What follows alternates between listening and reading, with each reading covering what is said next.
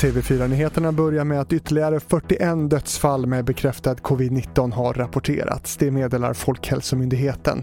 Det innebär att totalt har 13 761 smittade personer avlidit i Sverige och Region Värmland uppmanar invånarna att gå i personlig lockdown. Uppmaningen kommer efter att antalet bekräftade covidfall under ett dygn varit det högst noterade i regionen för andra veckan i rad.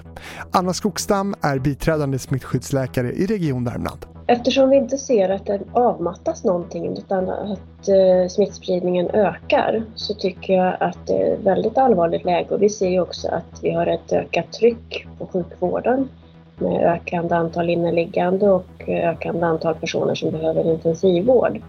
Och så ska vi avsluta med att efter kritiken om att många vaccintider gapar tomma så väljer Stockholm att öppna upp vaccinationskön för ännu fler.